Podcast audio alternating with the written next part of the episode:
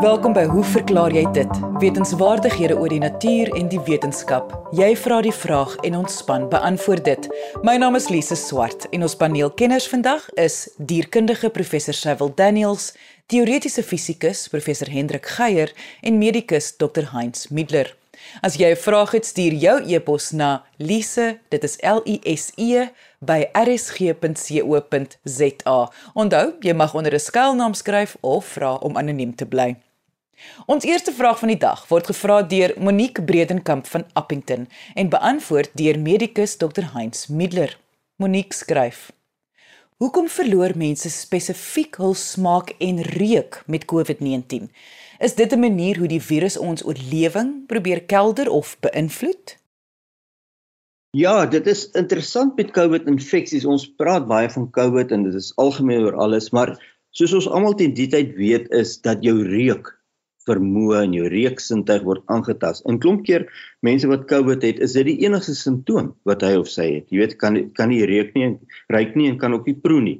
Nou, dit is interessant, waarom is dit dan nou hierdie virus wat ehm um, dit uitsluitlik hierdie simptoom veroorsaak en die en, die ander virusse en ander uh, uh siektes nie.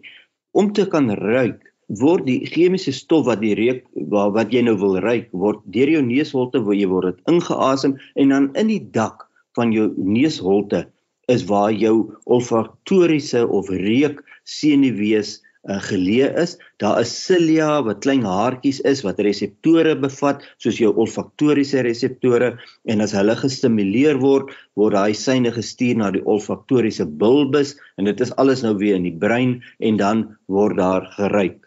Wanneer jy reukverlies het, is daar verskeie redes. En die algemeenste rede is wanneer jou neus toe is, soos neuskongestie. En dit kry jy wanneer jy verkoue het. So enige virus wat vir jou 'n toeneus of 'n loopneus en baie sekrete of swelling van jou slijmvliese het vir uh, bemoeilik toegang tot hierdie reseptor. So die die stowwe wat geruik moet word kom nie by die reseptor uit nie en dan sê die mense ja, hulle kan nie ruik nie en hulle kan ook nie proe nie. Maar by COVID weet ons is dit nie eintlik 'n groot probleem. Hulle kry nie baie verkoue simptome in toeneuse nie. So dit is waarskynlik dan nie die rede waarom uh mense met COVID nie goed kan ruik nie.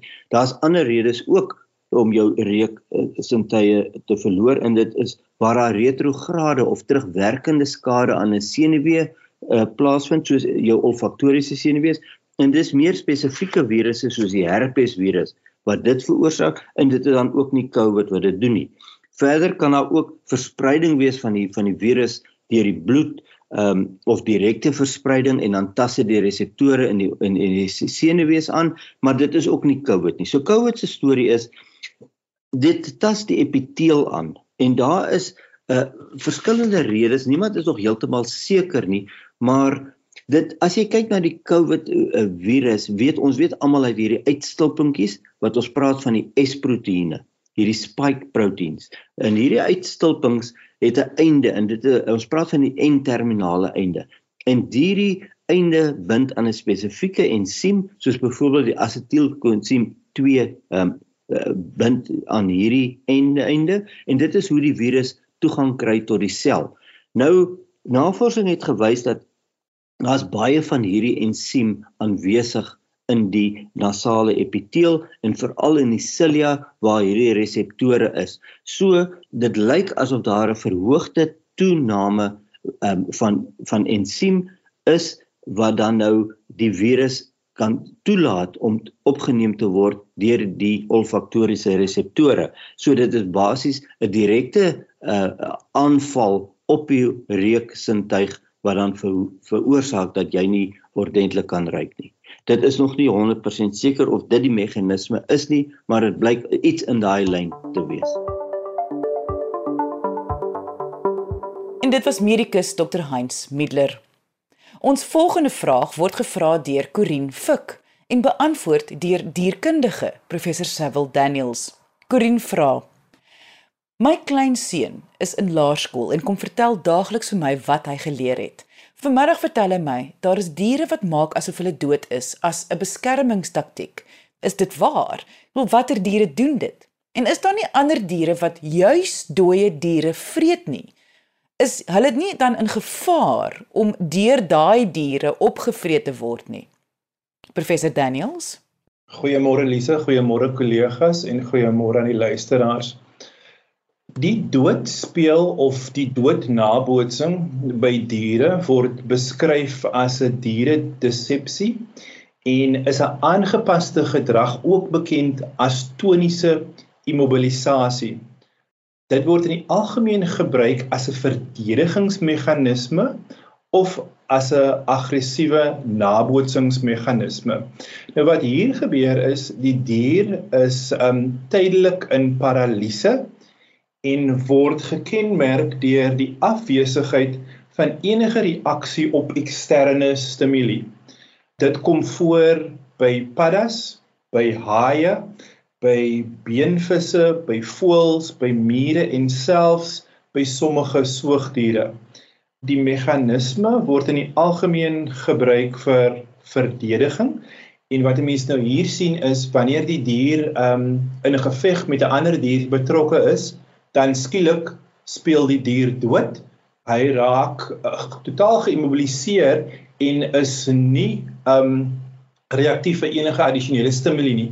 Wat dan gebeur is die aggressor hou dan gewoonlik op om die dier te byt Derhalwe is dit 'n verdedigingsmeganisme. So wanneer die aggressor nou wegbeweeg in 'n paar minute, dan is hierdie ehm um, diere wat dan nou doodgespeel het skielik weer lewendig, want hy dan besef die predator of die potensiële aggressor is weg uit die omgewing uit en hy kan dan nou met sy eie ehm um, lewe aangaan.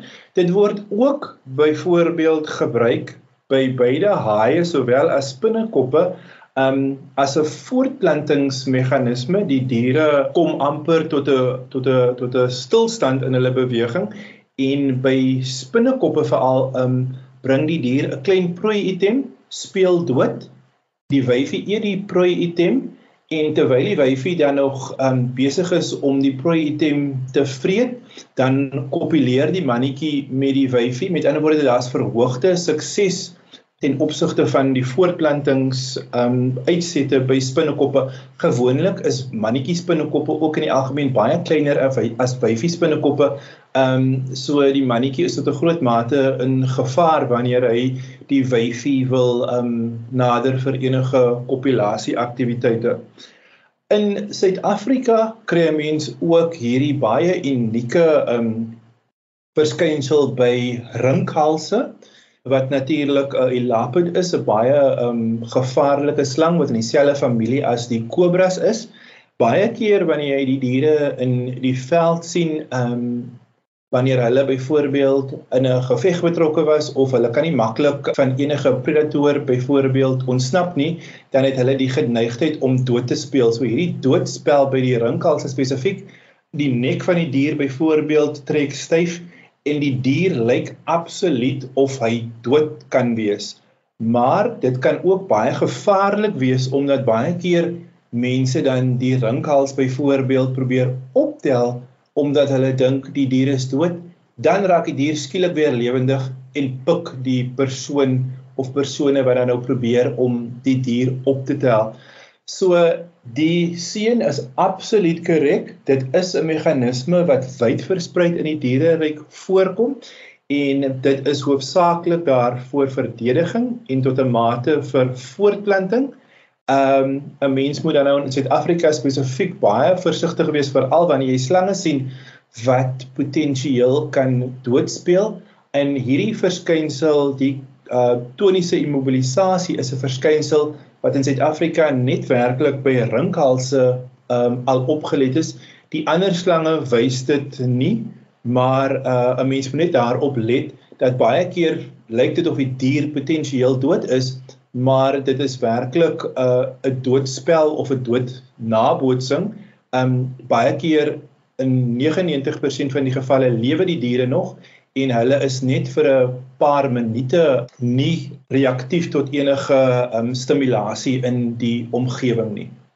Die een aspek wat ek nou nie genoem het nie is baie predatore vang prooi items wat lewend is.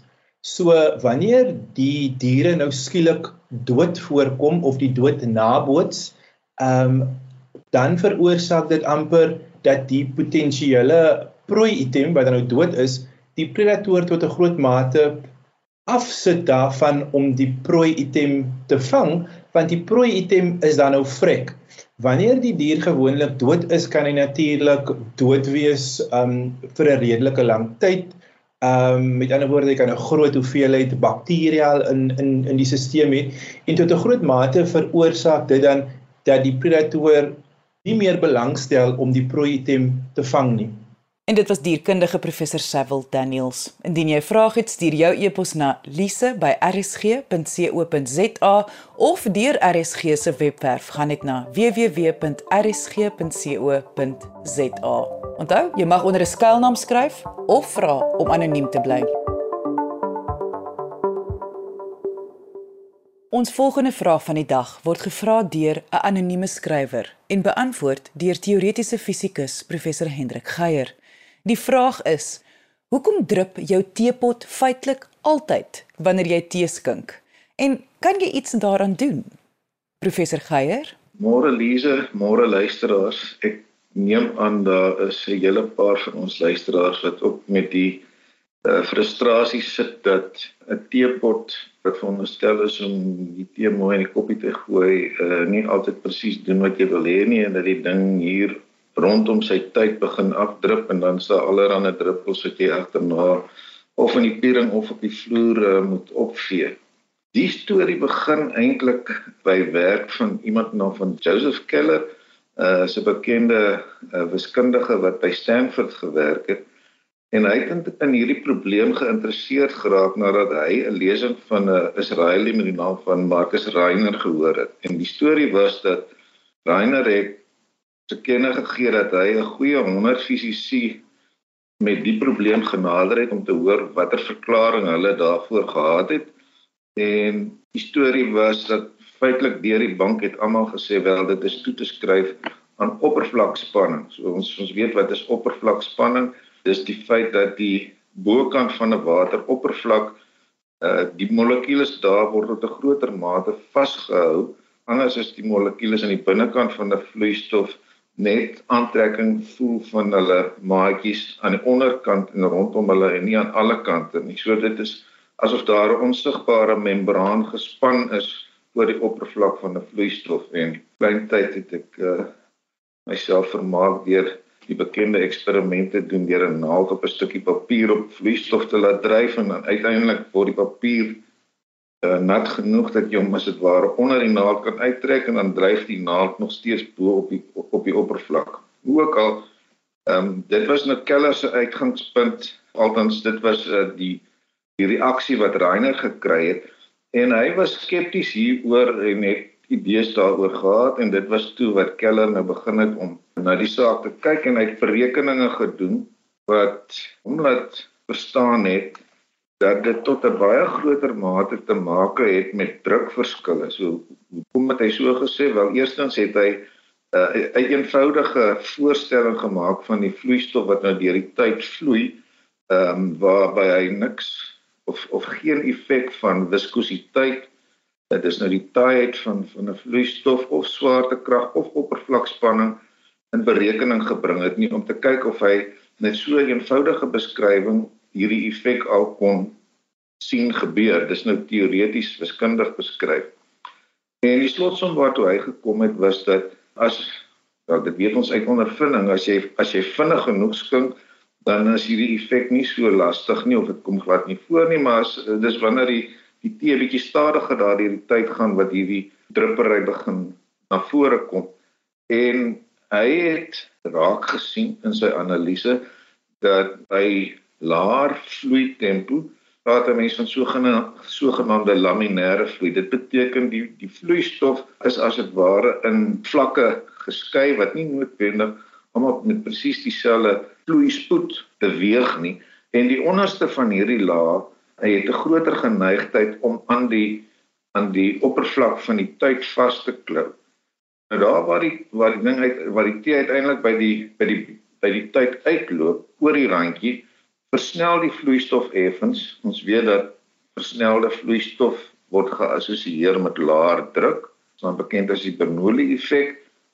En daardie deel van die vloeistof se druk is dan uiteindelik tipies laer as die omliggende uh, lugdruk, soveel so dat lugdruk as dit ware die vloeistof vasdruk teen die tyd. So as jy stadiger as 'n sekere tempo gooi, is daar nie eintlik veel wat jy hieraan kan doen nie.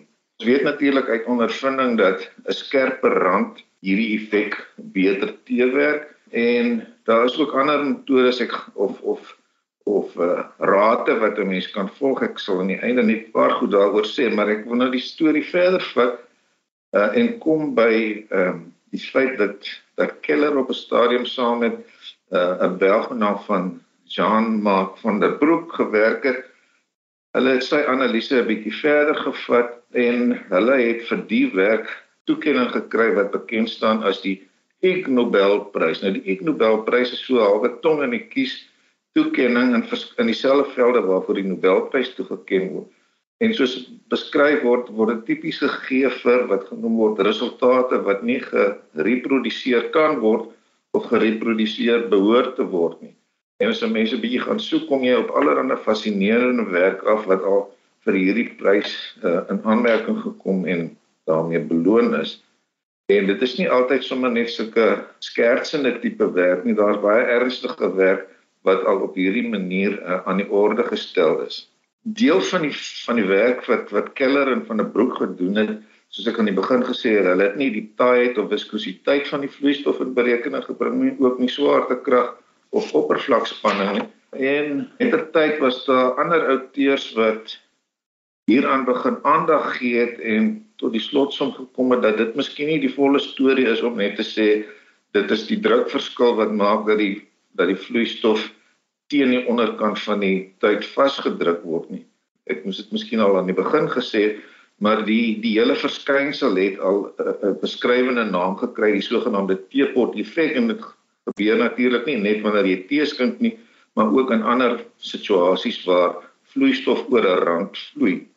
Die uiteinde van hierdie tipe analise strook met wat 'n mens uit ondervinding weet, naamlik dat wanneer die vloeistof of die tee vinnig deur die tyd vloei, die druppery nie noodwendig plaasvind nie en dat hoe dunner die lip van die tyd, hoe beter uh, dit weet 'n mens uit gebruik van byvoorbeeld effens ouderwetse plekvrye staal teepotte.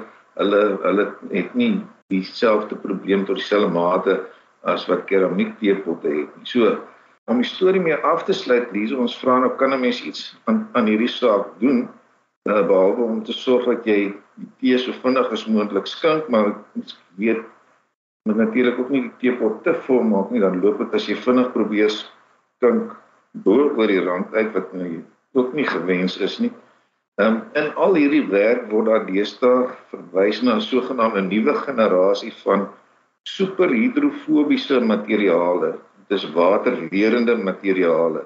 En as jou tyd met een van hulle toegerus is, uh, dan wil die vloeistof eenvoudig nie kontak maak met die tyd nie en vloei dit onmiddellik direk in die rigting waar waarin jy gooi. Nou interessant genoeg Uh, een van die materiale wat in hierdie konteks baie keer genoem word is eenvoudig swart roet.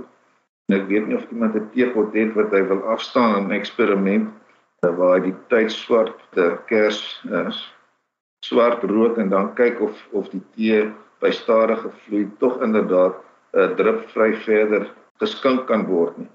En miskien is hier 'n uh, 'n uh, geleentheid vir vir entrepreneurs om 'n nuwe generasie teepotte te ontwikkel te ontwikkel of te ontwerp waar die tyd uh, as dit ware 'n laagie van hierdie uh, waterwerende materiaal op het en dan sou ten minste in teorie ons ontslae wees van hierdie probleem.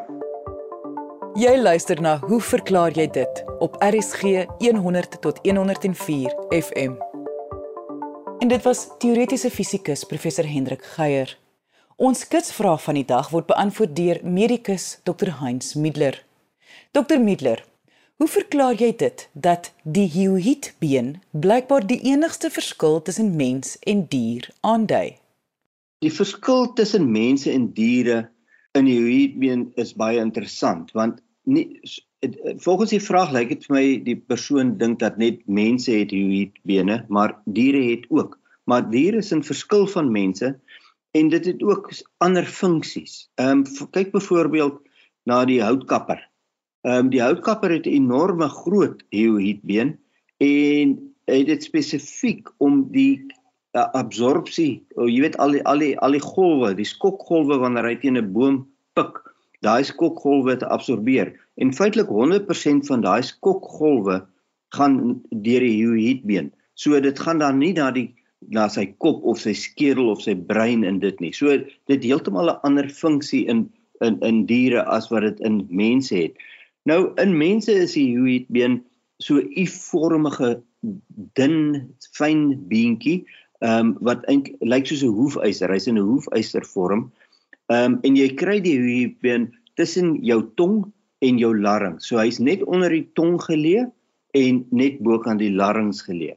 Nou dit is 'n interessante been want dit is die enigste been in die liggaam in wat ons het omtrent meer as 200 bene wat nie geheg is aan 'n ander been nie. So dit is nie dat hy 'n uh, 'n gewrig het of dat hy vas is aan 'n ander been uh nee hy's heeltemal soos jy sal sê free floating. Hy het nou wel 'n klomp spiere wat aan hom geheg is. Um ek dink daar's omtrent 'n dosyn of wat spiere wat na verskillende strukture in die nek is, wat, maar die been bly nog altyd um swewend. So dit is 'n redelike beweeglike been. Nou die belang van die hyoïdbeen in die mens is vanweë sy posisie. Eerstens dis onder die tong. So ehm um, as jy nou kyk na 'n neonaat, uh dit is bekend dat neonate kan kan sluk en asemhaal gelyk. En dit is vanweë die posisie van hierdie hyoïdbeen. Sodra die babatjie begin groot raak, ehm um, begin hierdie posisie verskil in die hyoïdbeen begin afbeweeg en dan sal jy sien hier so na 3 maande verstik 'n baba maklik dis omdat die die sluk en die die asemhaling begin geskei te raak. En soos in volwassenes jy kan nie sluk en asemhaal nie. So jy verstik maar 'n baba in daai oorgangsfase ehm um, is dit nog altyd moontlik dat wanneer hy sluk dat hy iets in die in die lugweg kan afbeweeg. Nou die hyoïdbeen speel natuurlik dan ook 'n rol by slaapapnee vanweer die posisie en mense met 'n abnormale ligging of 'n klein verandering in die hyoïdbeen se posisie kan ook kla van van van slaapapnee snags. Nou die ander struktuur buite in die tong is dan natuurlik die larynx. Wat dit is waar ons stembande geleë is en dit is waar die groot verskil inkom tussen mense en diere Ons kan artikuleer om klanke te vorm en te kan praat en dit is danksy ons hyoïdbeen. En dit is oor die posisie, die beweging van die hyoïdbeen en ook uh jy weet ek dink ons ander uh, medewerkers uh, soos Yuri en Lafras en daai manne sal meer kan weet oor die evolusie uh maar daar word gepraat dat selfs soos, soos in seuns wat in puberteit wat hulle stem breek is maar van die hyoïdbeen wat uh, nog 'n bietjie laer beweeg. Ehm um, so die hyoidbeen is met ons stemvorming uh, gespeel het 'n groot belang. Die interessante ding van die hyoidbeen is is eintlik nou post mortem. Wanneer jy dood is aan een of ander oorsaak en er word 'n autopsie gedoen en jy kyk na jou hyoidbeen en jy sien hy's gefraktuur of hy is gebreek, dan kan jy vuilspel vermoed. Ehm um, die rede hiervoor is dat mense wat uh, verwrig word het feitelik altyd 'n hyoidbeen wat gebreek is. En dit is 'n uh, 'n baie baie um, sensitiewe en 'n kenmerkende eienskap. Jy kry dit ook by mense wat gehang word. Nie almal wat gehang word se hyoidbeen is gefraktuur nie, maar 'n groot persentasie van mense wat verwrig word, het 'n gefraktuurde hyoidbeen. En dit was medikus Dr Heinz Middler. Indien jy 'n vraag het, stuur jou e-pos na lise@rsg.co.za. Jy mag onder 'n skuilnaam skryf of vra om anoniem te bly. Ek sê baie dankie aan ons kenners en vraagstellers vandag. Onthou om altyd nuuskierig te bly en vra te vra. Tot volgende week net hier op RSG saam met my Lise Swart. Totsiens.